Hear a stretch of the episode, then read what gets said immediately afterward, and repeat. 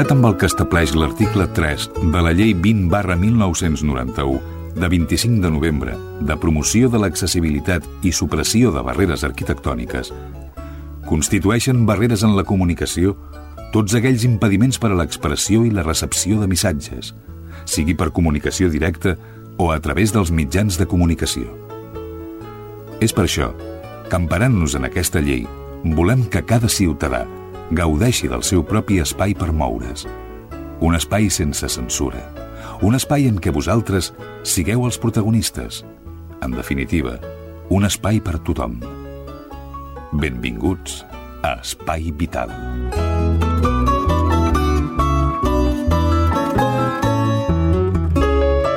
Senyores, senyors, què tal? Com estan? Benvinguts, ben trobats una setmana més, un programa més que, com ja coneixen vostès, es diu Espai Vital i és perquè a poc a poc es vagin conscienciant una mica més sobre eh, la discapacitat, ja sigui física com psíquica. En definitiva, jo diria que és un programa per tothom. Benvinguts a Espai Vital, eh, i amb un 3, 2 o 1 començarem el programa d'avui. Estàs escoltant Espai Vital.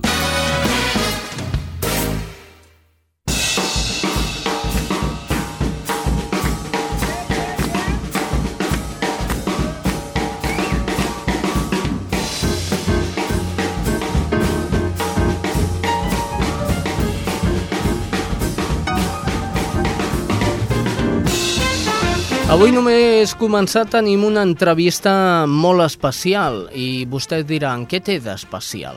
Doncs molt bé, que és un, un estudi de ràdio on el so de la nostra veu és important perquè vosaltres escolteu allò que diem. Doncs bé, avui tenim un entrevistat que no parla, no parla però no parla per la boca, per un altre costat, a nivell de llengua de signes sí que pot parlar amb nosaltres. Ell és sord, és el responsable d'un mitjà de comunicació important, penso jo, a nivell social, com és Web Visual TV. Doncs avui tindrem tant aquesta persona, ell es diu Albert Caselles i és el responsable de Web Visual, i eh, al nostre costat també el seu intèrpret de llengua de signes, que és el David Loyo, que ens anirà traduint tot allò que ens digui l'Albert Caselles. A més, també mm, estem en època de vacunació. Volem saber com està anant la campanya de vacunació d'aquest any.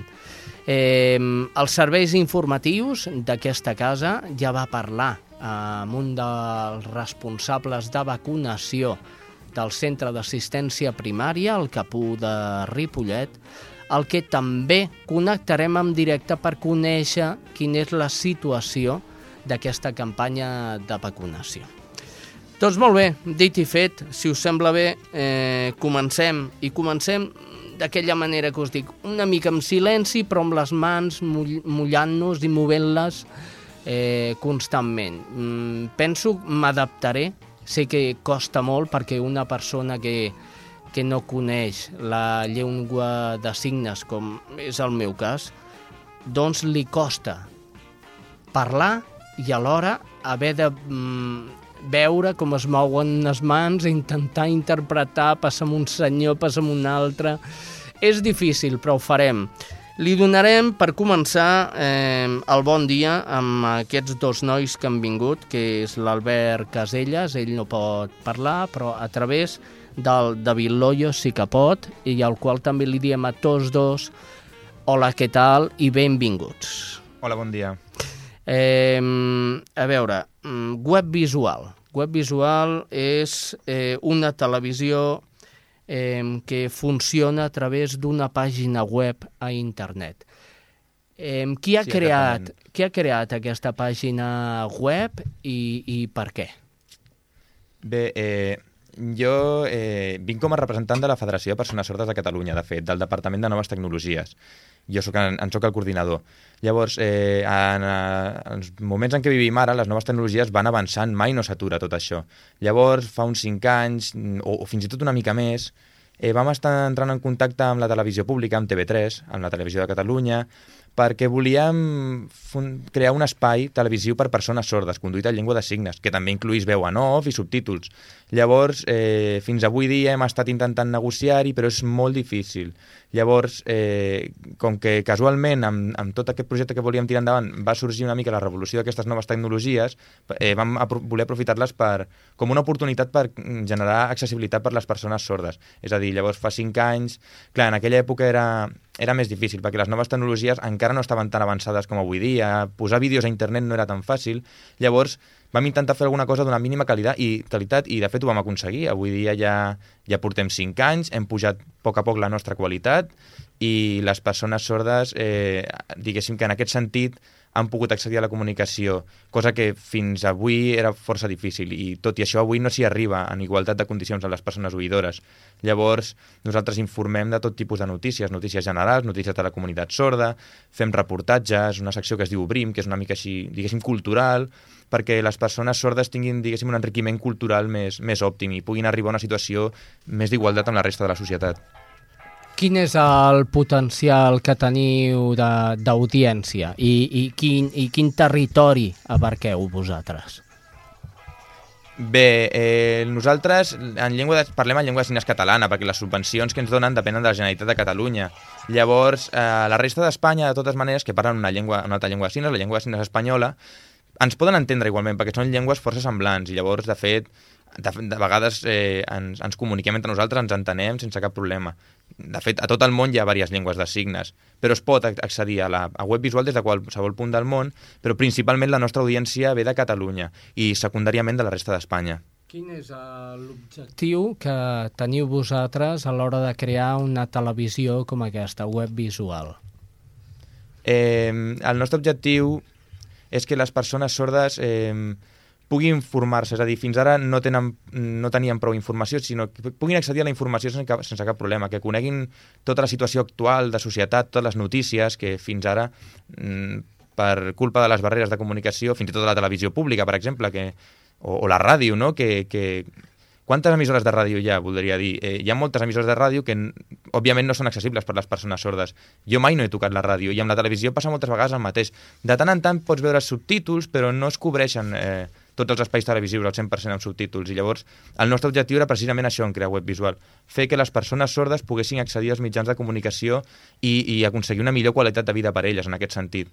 Eh, nosaltres, aproximadament, a més a més, respecte a les audiències, portem unes 18.000 audiències mensuals, eh, accessos a la pàgina web mensuals, aproximadament. Molt bé. Eh, és possible la ràdio per persones sordes? No, no. Avui dia encara no s'ha aconseguit. Eh, ni, jo, de fet, ja t'he comentat que mai no toco la ràdio i llavors, clar, com jo a casa no en tinc, com a persona sorda no en tinc de ràdio. Però sí, em sembla que hi ha un país, ara no sé on era, no sé si és als Estats Units, crec que ja fa poc es va elaborar un nou sistema que era ràdio amb subtítols. No n'estic del tot segur, és a dir, que el so queda convertit a subtítols directament, a text. Però jo ho trobo una mica incòmode, perquè has d'estar assegut davant de la ràdio, mirant-ho, just davant del, del, del transistor i, clar, vull dir, has de centrar l'atenció allà i no, no pots estar movent-te, diguéssim, mentre tens la ràdio posada. No ho trobo del tot adient. Per, a, a mi no m'atrauria gens ni mica. Preferiria veure la televisió amb la imatge d'una persona o d'una situació i amb subtítols. O veure-ho per internet, sense cap problema, per exemple. Eh, la, la imatge, parlem de televisió, en aquest cas de, de la vostra, la imatge és important a televisió i diu molt de les persones, els moviments i tot. La veu també diu molt, té un sentiment aquesta veu. Com la transmetem a, a través de la imatge i amb un traductor de llengua de signes? La imatge eh, també transmet sentiment, gràcies a l'expressió facial en aquest sentit. Nosaltres, eh, quan eh, tenim prou informació amb la llengua de signes, veiem la nostra expressió corporal i la nostra expressió facial. És a dir, és com una persona que només parli sense, sense entonació, és a dir, perdó, sense expressió facial, és a dir, si eh, transmet informació amb el seu entonament de veu i et permet elaborar-te un concepte quan sents aquesta persona. El mateix passa amb la llengua de signes i amb la imatge. No t'ho sabria explicar ben bé perquè, clar, jo, el meu cervell com a persona sorda, en aquest sentit, no funciona com el d'una persona oient. I jo, diguéssim que, clar, tinc un sentit menys que vosaltres, no tinc el sentit de la oïda, i, i tot això que tinc de menys amb el sentit de, de la oïda ho tinc amb, de més amb la resta de sentits, amb el tacte, o amb la vista. Llavors, clar, hi ha una mica de diferència respecte a les persones oients amb això. Albert, eh, fa molt que, que tu has creat eh, aquest sistema, eh, ho has encarat per les persones que estan com tu. Llavors, tu ets eh, persona que has nascut eh, amb sordera, Sí, tant, sí, sí, sí, sí. Vaig, néixer, vaig néixer sord. vas néixer sord i, i t'està ajudant, estàs aprenent alhora que treballant de tot allò que esteu fent. Aprendre llengua de signes, vols dir? Aprendre, aprendre a, ser, a ser persona sorda i poder estar eh, al lloro de tot el que passa i de com passa i de com Sí, s'ha de sí, sí, fer sí, i el sí, que sí, no sí. s'ha de fer. T'entenc el sí. que vols dir, sí. Eh, jo, jo vaig néixer sord, com has comentat, Sí. i la meva llengua materna eh, és, la, és la llengua de signes, perquè les, els meus pares també són sords. Llavors jo la tinc ben consolidada, la tinc apresa des de petit, la llengua de signes. I després doncs, eh, he anat aprenent coses, diguéssim, a, a, de la societat, diguéssim, a- amb, amb un intèrpret de llengua de signes, o tal i com arribava la informació. Clar, òbviament arriba menys informació, no arriba al 100%, però, clar, per això jo moltes vegades no podia participar de diferents aspectes de la societat, diguéssim. I això entristeix a una persona. I llavors, clar, jo he après a través de web visual que això ens dona una oportunitat per satisfer-nos i enriquir-nos de la informació. Ens apropa més al, a la societat i això és una cosa que he après jo treballant jo és com si... El meu sentiment és com de foc dintre del cos quan, quan vull tancar les barreres de comunicació, quan vull buscar una solució per accedir a la informació, això és el que sento, diguéssim, és, és una manera d'avançar, és una manera d'anar aprenent més coses. Us hauríem de felicitar per aquest cinquè aniversari que porta Web Visual TV. En aquests cinc anys, eh, dona'ns algun, alguna coseta que en recordi eh, que, que sou un mitjà de comunicació i que poden passar coses dintre d'aquest mitjà de comunicació. Aquí heu tingut personatges importants eh, a nivell polític, a nivell cultural, que us hagin passat per televisió web visual. Sí, mm, en tots aquests cinc anys, cinc anys han vingut persones, han vingut autoritats, els hem convidat moltes vegades, per, eh, autoritats de la Generalitat, i hem mantingut contacte, i també, sobre, també personatges coneguts de la comunitat sorda d'altres països, per exemple, que potser tenen estan més avançats en aquest sentit que nosaltres, de països de la resta d'Europa, que estan molt avançats. Hem considerat que volíem aprendre de, de com han avançat, diguéssim, el moviment associatiu i els hem volgut convidar per, eh, perquè les persones sordes d'aquí puguin conèixer la situació d'altres persones sordes d'altres llocs, perquè vegin que ells també poden arribar a, a, i per motivar-los, perquè vegin que ells poden arribar al mateix que han arribat a, en aquests altres països. Malauradament, la política està present a tots i cada un de nosaltres. Eh, eh, sou persones eh, que us hagin influenciat en qualsevol moment al món de la política? No, no massa, eh? No massa. Eh, la comunitat sorda eh, és molt difícil que estableixi contacte amb els polítics. La majoria de persones, eh, clar, no se n'adonen que existim. Clar, nosaltres, com si diguéssim, semblem normals. És a dir, és, és un dir, eh? És a dir, no, no se'ns veu amb una cadira de rodes. Una persona que vagi en cadira de rodes se la percep ràpidament. Jo sóc com invisible, vaig pel carrer i és difícil veure que jo sóc una persona sorda i els problemes que tinc. I és una mica difícil, s'ha d'anar amb molt esforç per contactar amb els polítics, per explicar-los perquè ens entenguin la nostra situació. Clar, i darrerament, els últims dos o tres anys, sí que la Federació de Persones Sordes a Catalunya ha establert bastant de comunicació amb els polítics i s'ha avançat molt en aquest sentit. Eh? S'han sensibilitzat més, ens entenen millor, entenen les nostres demandes de drets i d'igualtat d'oportunitats i jo penso que avui dia s'ha avançat molt i, i és molt positiu, però encara no hem arribat, diguéssim, a, a, a assolir-ho al 100%. L'any passat vam donar un pas molt important per la comunitat sorda, per això, que va ser el reconeixement de la llengua de signes catalana, en aquest sentit. I a més es va incloure l'Estatut, a l'article 50.6 de l'Estatut de la Generalitat de Catalunya.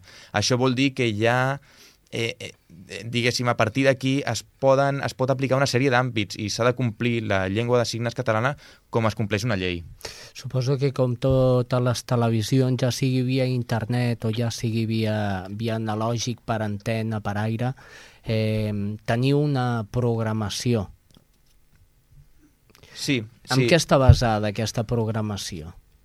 És una mica eh, eh, complex. A veure, la televisió eh, els programes que, que a, a, no hi ha programes en llengua de signes a la resta de televisió, a les televisions normals, com has comentat. Hi ha intèrprets com, com el David, per exemple, no? que en un noticiari, noticiari apareix un intèrpret i les persones sordes doncs, sí, poden informar-se, eh, diguéssim que hi ha un mínim d'informació però clar, no és el més adient. Nosaltres ens agradaria poder accedir a la televisió les 24 hores del dia i només tenim un intèrpret 5 minutets. Llavors, per, eh, hi ha diferents aspectes que no podem conèixer en profunditat. Fora, eh, fora d'Espanya sí que hi ha televisions que... A la, fora de Catalunya, perdó, a la resta d'Espanya, hi, ha hi ha programes de televisions en llengua de signes, són programes setmanals. El problema és que són en llengua de signes espanyola. A Catalunya, clar, sí que t'he dit que els podem entendre, sí, però clar, no és el mateix. Nosaltres parlem la llengua de signes catalana i, i clar, a poc a poc això va canviant la nostra llengua. Si la gent es deixa influenciar només per la llengua de signes espanyola, cal crear un programa específic en llengua de signes catalana per conservar la llengua de signes catalana. És, eh, no sé, és com fa 40 anys aquí a Espanya que estava prohibit el català, eh, mm -hmm. és el mateix. Aquí Després, diguéssim, en arribar a la democràcia es va poder crear TV3, la televisió de Catalunya. Precisament un dels objectius era difondre la llengua catalana, no? Doncs nosaltres estem en la mateixa situació en aquest aspecte. Eh, televisió, llengua de signes en català, això a mi em sobta. Com a persona que, que puc parlar, puc sentir, eh, no puc arribar a entendre el, el que hi hagi una llengua de signes en català, una en anglès, una en altres idiomes. Eh, això, això, això com podem identificar nosaltres que els signes que tu estàs fent són en català o són en anglès? O, eh, com, com se li pot dir a una altra persona sorda que aquests signes són anglesos, aquests són catalans? És, la llengua de signes eh, és, és com un idioma. Les llengües de signes funcionen com un idioma, com els idiomes orals, com el castellà, com el català, com l'anglès, com el francès, tant se val. Llavors, els oïdors eh, parleu llengües orals, i si aneu a un altre país, una persona que parli castellà se'n va a Alemanya, per exemple, no us en entendreu. És molt difícil entendre's entre un espanyol i un alemany. S'han de buscar un altre idioma d'intermediació, com seria l'anglès, que es fa moltes vegades.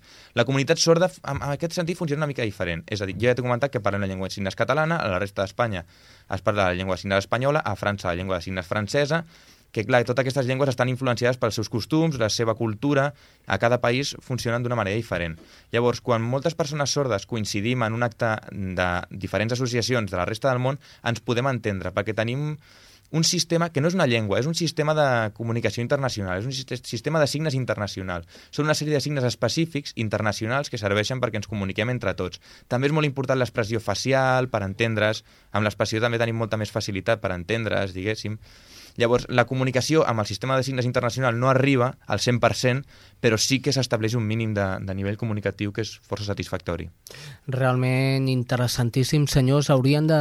de clar, ja ho senten, vostès senten que hi ha un espai en blanc i és que el traductor de llengua, llengua de signes està traduint tot allò que estic dient amb l'Albert Caselles. Eh, cap a on anem? Quin és el futur d'aquesta televisió? El nostre futur, els nostres objectius de futur és arribar a, a incloure so, veu en off, a, a la pàgina web. Això és el doble de treball, però també és el, el doble d'èxit en aquest sentit, perquè podríem aconseguir que els oïdors, com vosaltres, que no sabeu la llengua de signes, accedíssiu a la pàgina web. També es podrien posar subtítols, però no ho considerem preferent, perquè tenim textos. Tots els vídeos en llengua de signes tenen un text al costat. Jo, per mi, considero que és, eh, és molt important que els oïdors puguin accedir a través de la veu en off. Eh, el dia que aconseguim posar veu en off serà un dia força important. Ara per ara hi ha moltes persones que, clar, no, ens, alguns ens entenen, però moltes persones que no ens entenen no poden accedir realment a la llengua de signes.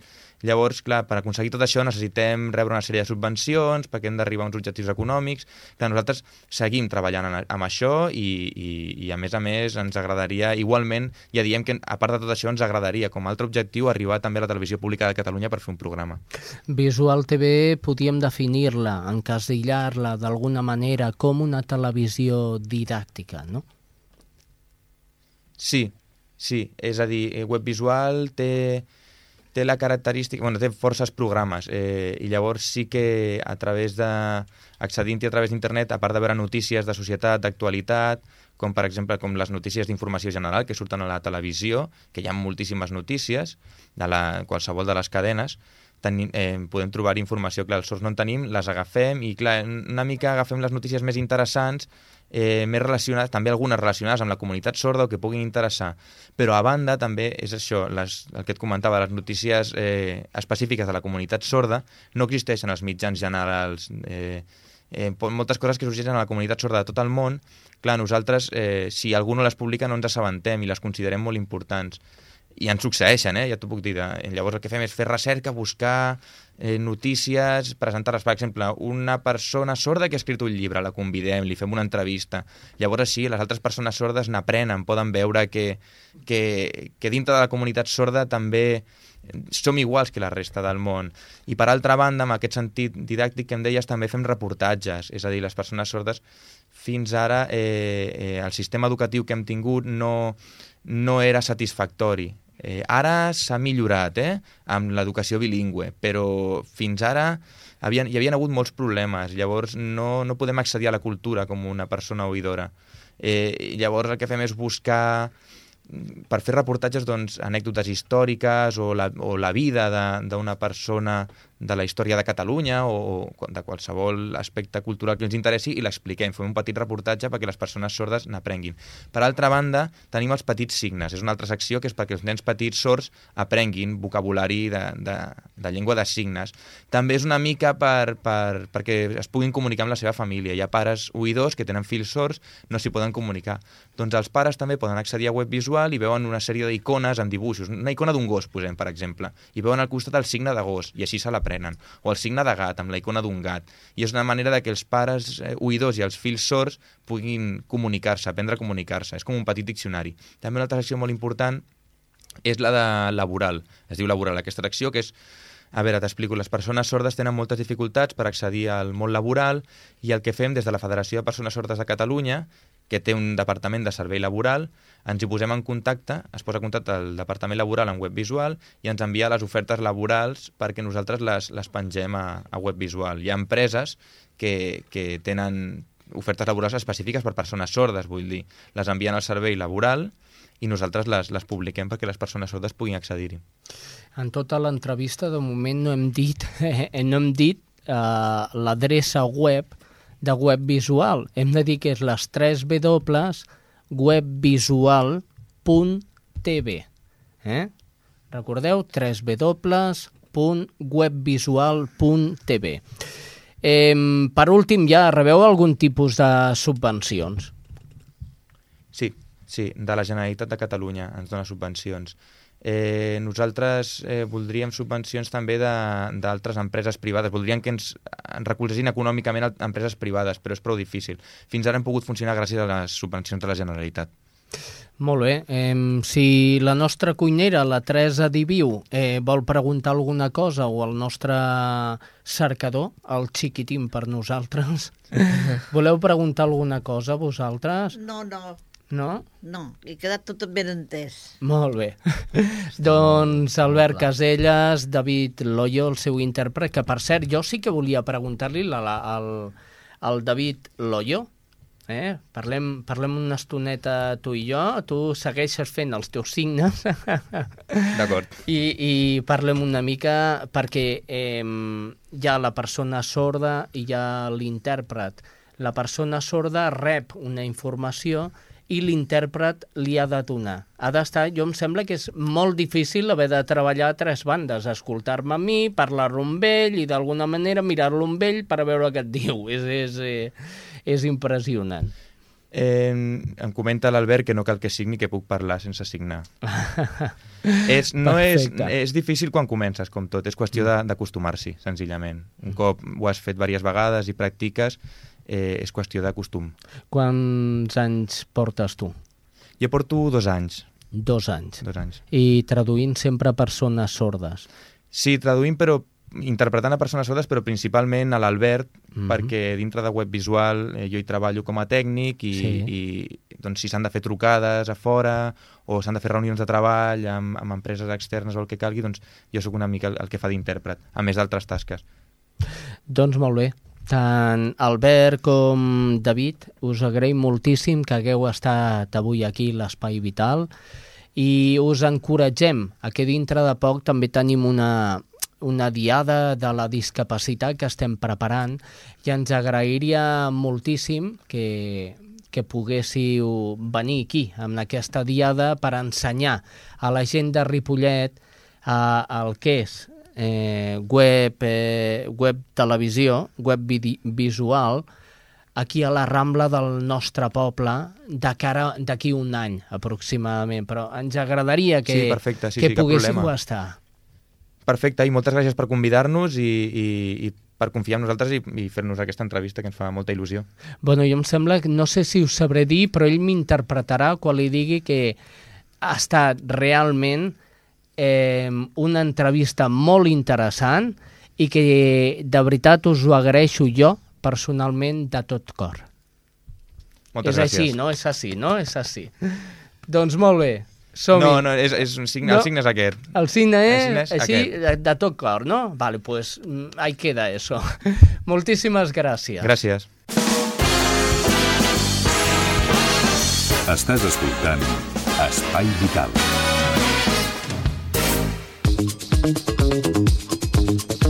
Senyors, eh, sintonia corresponsals, eh, recordin les notícies més importants eh, nascudes del Vallès Occidental a nivell social, que parli de discapacitat i de malaltia crònica, doncs els hi oferim aquí, amb pràcticament rigorós directe, pràcticament dic, eh? perquè això està gravat. Doncs començaríem. Anem cap a Cerdanyola, allà es troba el cap informatius, el Xavi Poza, que ens don la següent notícia. Hola Xavi, unes 8.000 persones de Cerdanyola tenen més de 65 anys. Pertanyen doncs al que anomenem la gent gran. La ciutat feia el seu homenatge anual a aquest col·lectiu amb una gran participació, ja que més de 1.500 persones assistien a l'acte celebrat a la zona esportiva Fontetes de la nostra ciutat. Música, gastronomia i especialment animació. Aquests són els eixos que any rere any marquen el desenvolupament de l'homenatge a la gent gran de Cerdanyola, que des de l'Ajuntament s'organitza amb l'objectiu que aquestes persones se sentin estimades i reconegudes per la seva aportació a la nostra societat. Segons destacava el regidor de la gent gran Gustavo Arias, després de les primeres actuacions de la festa, les de la xaranga de l'agrupació musical Cerdanyola i el grup rubinenc El Buen Rollo, format per persones grans. Les Nacions Unides van declarar el 1990, el dia 1 d'octubre, com Dia Mundial de les Persones d'Edat, i Cerdanyola s'adhereix a aquesta commemoració amb l'homenatge a la gent gran com a reconeixement a l'aportació a la nostra comunitat. En el decurs de l'acte es va realitzar el lliurament de premis del concurs de poesia que van guanyar en les diverses categories Jacinto Gutiérrez amb residència a Campo Amor, Dolors Bárcenas amb records de la nostra vila i Antonio Lozano amb Volver. El regidor de la gent gran destaca que el 13% de la població seranyolenca té més de 65 anys, però que això no significa que siguin vells, perquè demostren una intensa activitat des del treball de les entitats i el voluntariat. L'alcalde de Cerdanyola, Antoni Morral, insistia en el mereixement de l'homenatge a les persones grans que no només han treballat tota la vida, sinó que mantenen la seva aportació a la comunitat i a les famílies. Morral destaca l'aposta pel treball de futur de la gent gran perquè aportin valors del capital humà com l'esforç i el treball en un temps de crisi del capital econòmic. L'alcalde destaca la necessitat que la gent gran transmeti aquests valors a la joventut en un temps d'austeritat necessària en què la solidaritat ha de servir per fer una comunitat més humana. Tot això ha passat en una setmana en què la nostra ciutat també s'ha sumat a la celebració del Dia Mundial pel Treball Digne amb una concentració a l'Ateneu de Cultura en la que van participar treballadors i treballadores de la ciutat. La concentració va ser un acte més dels que es van organitzar arreu del món per commemorar aquesta jornada, la primera acció sindical que s'organitza mai a nivell internacional i que té com a objectiu sensibilitzar els ciutadans i les autoritats sobre la importància del treball digne i decent com a eina bàsica per lluitar contra la pobresa i la discriminació.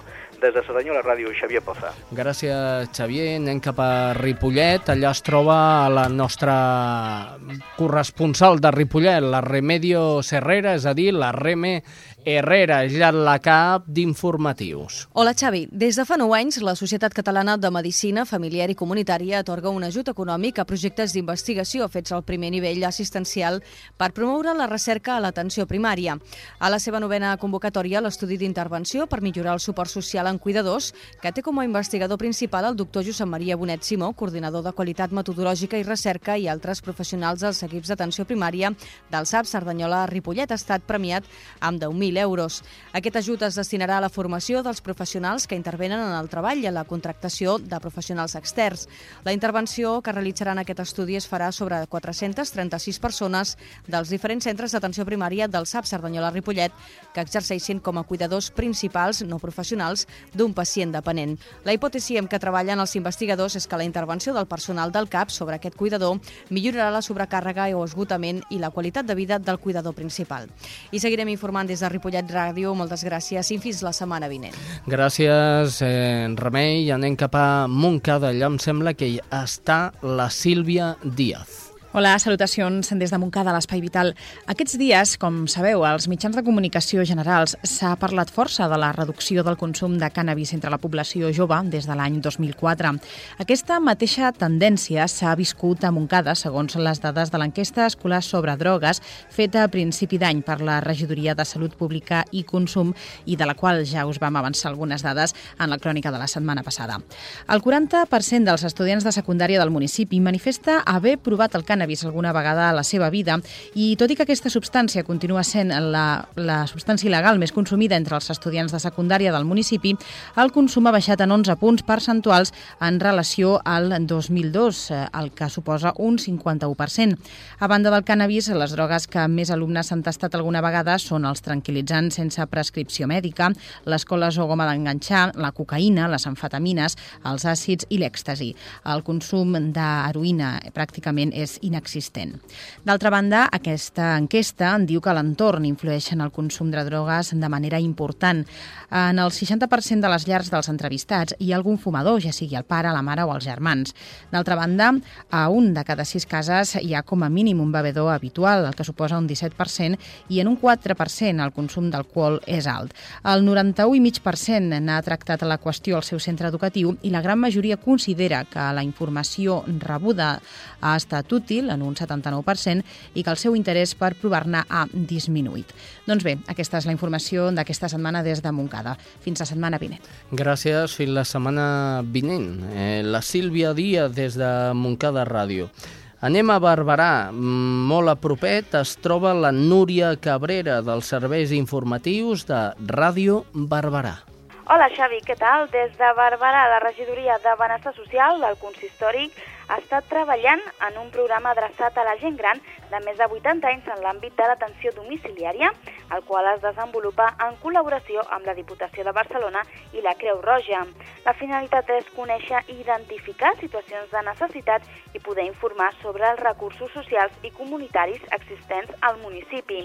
Properament també totes les persones rebran una trucada o una visita d'un professional de la Creu Roja per tal de concretar-li un dia i una hora en què se li passaria una enquesta en el seu domicili.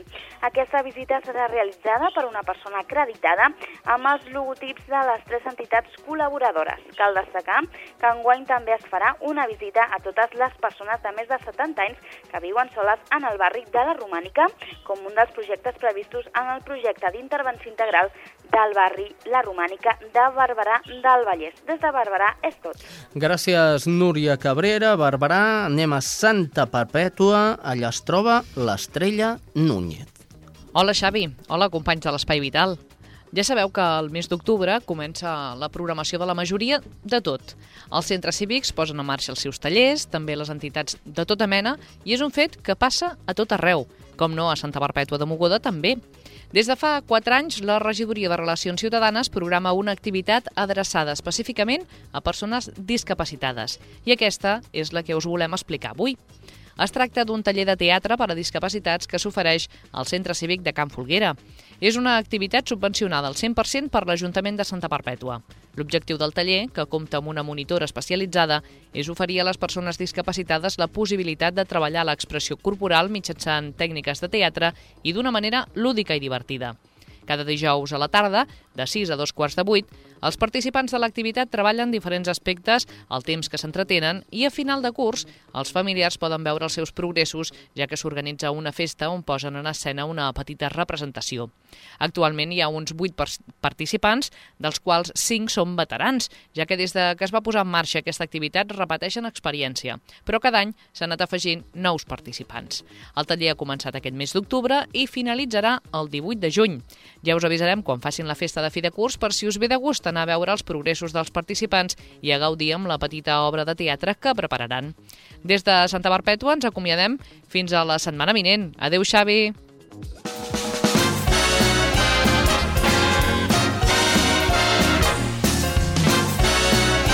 Espai Vital, el primer programa adaptat de les zones. El passat 21 d'aquest mes eh, de setembre es va començar la campanya de vacunació per la grip.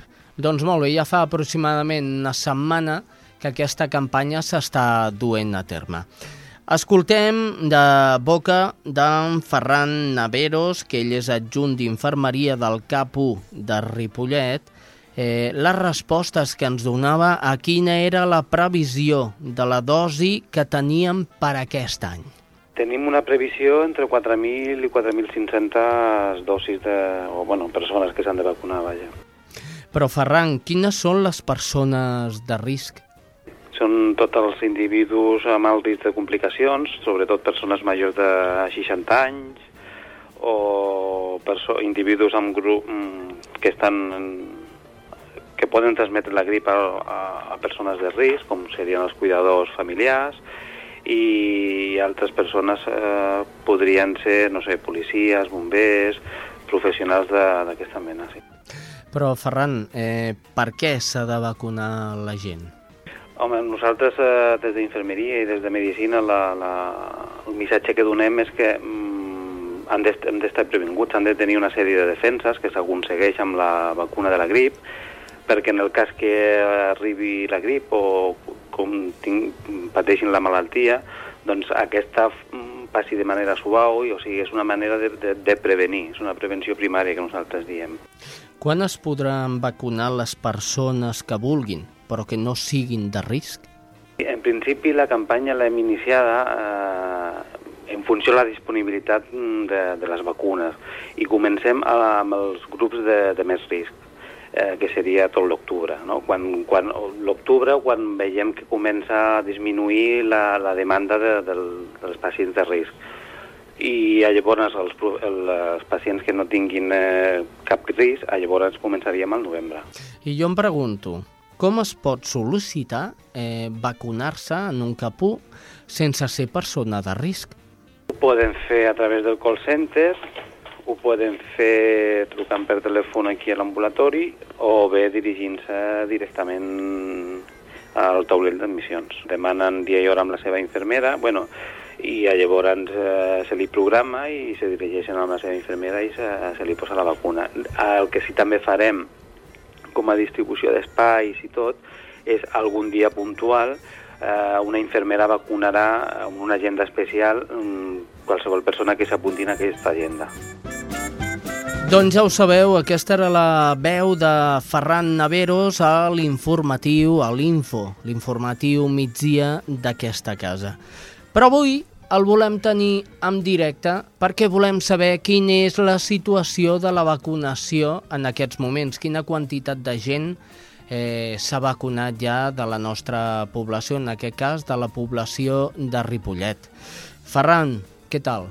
Hola, bona tarda. Hola. Bon dia, eh, Ferran, eh, la pregunta és com anem, com va la vacunació en aquests moments? Home, jo penso que força bé. Repassant dades de, fins al dimecres, eh, molt bé. S'han administrat ja unes 1.250 dosis, uh mhm. -huh. comptant que portem sis dies de, de vacunació, o sigui, jo penso que portem un bon ritme. Un bon ritme. Anècdotes per a aquesta campanya? No, anècdotes, bueno, d'anys anteriors, l'any passat es va fer d'una altra manera perquè disposàvem de més espais, que es va fer la vacunació en un lloc específic durant diferents dies, i aquest any, com que cada infermera s'ha hagut de, de programar la vacunació en, ca, en la seva agenda, doncs la gent al començament anava una miqueta despistadilla, no? De no saber a, on dirigir-se. Però és l'única anècdota que tenim així més, més relevant, penso jo. Les persones estan informades? El, els usuaris? Sí, sí, sí. sí. sí eh? És a dir, la, la gent ve ja amb, amb garanties de dir jo vinc a vacunar-me. Sí, sí, sí, venen amb la seva cita prèvia, dirigint-se... Avui m'haig de posar la vacuna.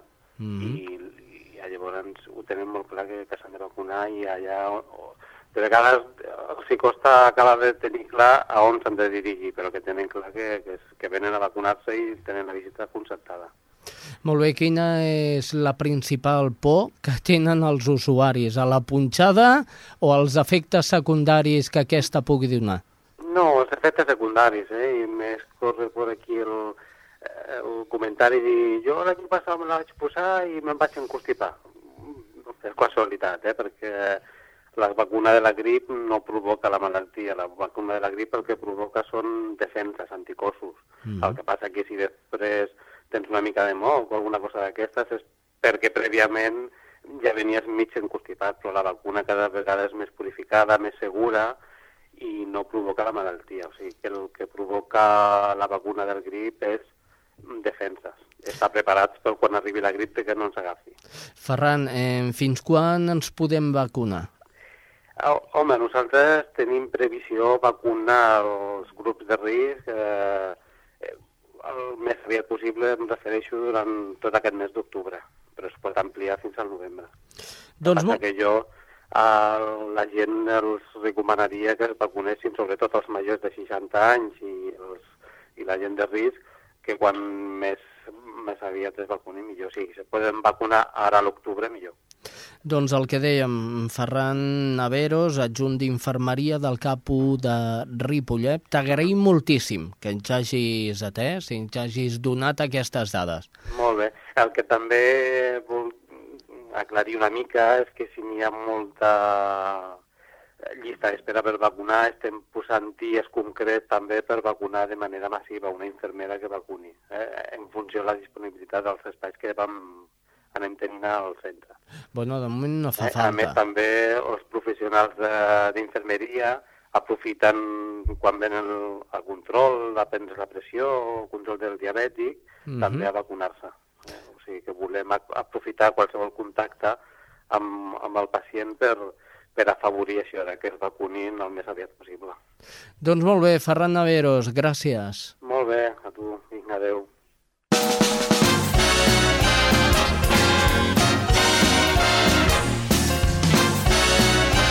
Espai Vital, el primer programa adaptat de les zones.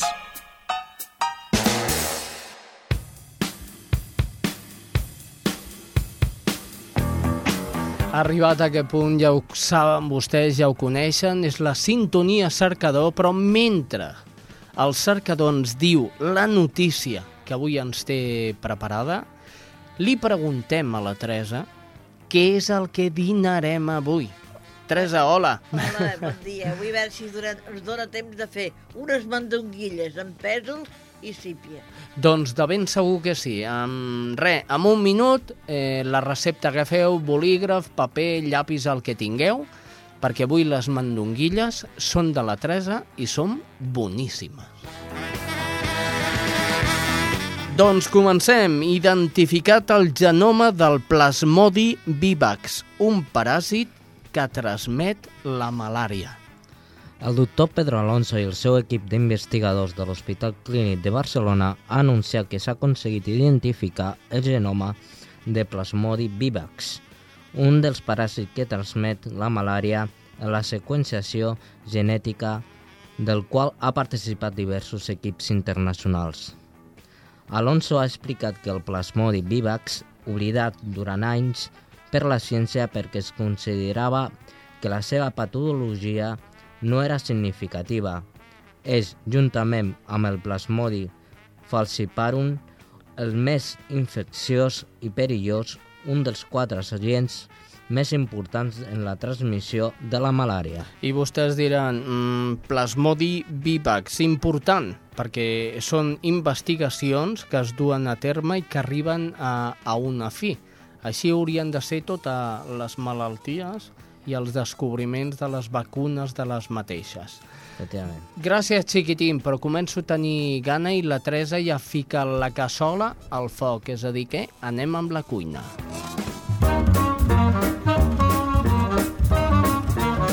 Cuina, cuinera, mmm, cuina cuinera. Teresa diu, els plats, els fogons i el micròfon. Teresa, mandonguilles a... Amb pèsols Sí, eh? i sípia. I sípia. Bé, me'n diu el Jordi que t'acostis un palet més sí, al micro, eh? perquè hauré de posar un coixilló. Un coixinet, no? Va, aguanta fora aquí, que Ja. estàs forta. Sí. Vinga. Mira, fregim, comprem 200 grams de sípia al, a la peixateria, al mercat. Molt bé. Com que ja la tenen neta, doncs ja la tallada a trossos. Allò normalet de... La renteu a casa, l'escorreu i ja la podeu fregir. Molt bé. Compreu mitja dotzena de... Per la colla que sou, si sou dos, doncs sis mandonguilles, o si no, vuit, vosaltres mateixos. Mm -hmm. Un quart de quilo o 250 grams de pèsols. D'aquells petits que són més tous quan es couen, que n'hi han de petits i de més grossos. Molt bé. Però jo m'agraden més els petits, que es couen més de pressa i més tous. I una ceba i un tomàquet per fregir, sal i l'oli. Molt bé, anem a la preparació, Teresa. Com ho Mira, fem? Fregim sípia. Bé, a trossets, no? A trossets, Sí. en posem oli a la paella, Mm. aneu al tanto que la sípia sempre salta. Aneu a poc a poc fregir-la, allò tenir-la com està i una miqueta d'això, tapar-la que... i anar-li donant voltes. Molt bé. Com veieu que ja està, l'aparteu amb, amb una espàtula, la poseu en un plat allà apartat. Allà, si veieu que hi ha poc oli, poseu més oli i poseu les mandonguilles a fregir. Mm -hmm. Les mandonguilles pues, podeu fer de, de lo que vulgueu, de pollastres, de, de vedella, de tocino, de lo que vulgueu. Bé. Vull dir que ja n'hi ha al mercat, ja n'hi ha de fetes. Molt bé. Les fregiu. També les agafeu i les poseu a part. També feu bullir a part amb un pot els pèsols. Però n'hi han de fer, ja, ja es poden comprar també llaunes de pèsols. Però és més bo... Jo sóc més dona de... De casa. De casa. De casa. Mira, si... No, bé, bé, bé, bé. Mm. No, amb això no deixes cadascú... Naturals, Natural, naturals. sí. Molt bé. Es bullir, per lo que d'això es tarda de bullir 10 minuts, vull dir... No costa I a més res. aquella aigua la necessitem també, ja t'ho explicaré. Ah, bé, bé, bé. Bueno, es van bullint els pèsols, feu allà feu fregir la, amb aquell oli, les mandonguilles i, i ja quan estan les traieu també, les poseu en el plat. Allà hi fregiu mitja ceba i, i dos tomàquets. Ho fregiu i tireu sal i com ja ho teniu quasi bé fregit, i tireu el suc d'aquells pèsols allà Ah, el suc dels pèsols, que ho hagis fet una mica de xup-xup. Els pèsols els poseu una cassoleta i poseu la sípia i les mandonguilles. I quan aquell suc d'aquell sofregit ja està, ho tireu tot allà dintre, aquella cassola. La poseu al foc que faci una mica el xup-xup, si fa, falta una miqueta més de sal, doncs poseu. Si veieu que us queda molt clareta, agafeu un got amb una miqueta d'aigua i tireu una miqueta de maïssena, ho desfeu i aneu tirant allà aquell, aquell, aquella cassoleta i us quedarà el suquet més espès que per sucar pa, doncs mira, us queda un dinar pues, la mar de bo. doncs ja que ho veieu. bé. Doncs ja ho veieu. I que aprofiti i, i per aprofitar, per aprofitar, et dedicaré una cançó. Sempre t'estic dedicant cançons. Ah, mira, sí, pues va. És un tema del Lluís Llach, però canta Aitana Ferrer. La cançó l'hem escoltat al disc de la Marató. Es diu Que tinguem sort. I a vosaltres, que tingueu sort. Fins tant. la setmana vinent. Adiós a tots. Si Déu vol. Fins la setmana que ve.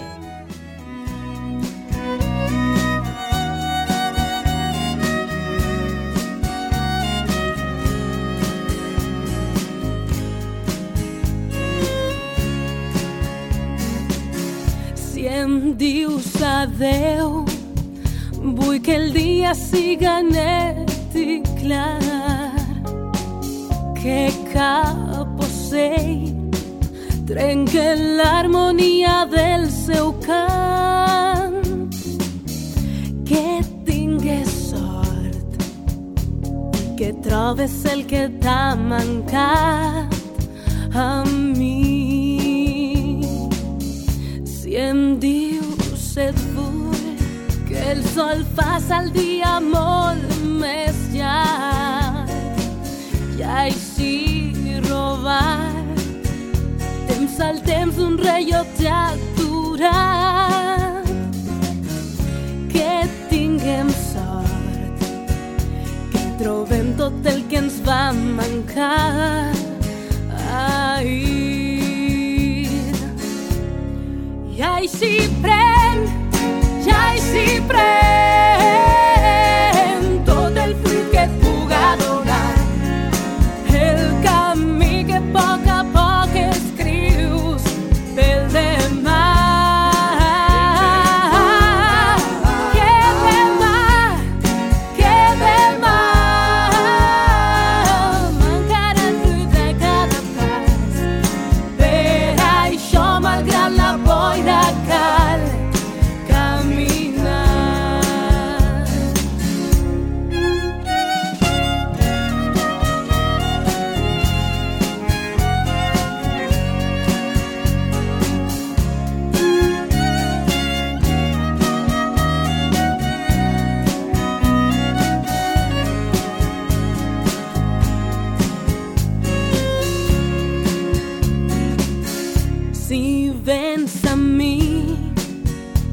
No demanes un camí planer, ni estels d'argent, ni un demà ple de promeses sols.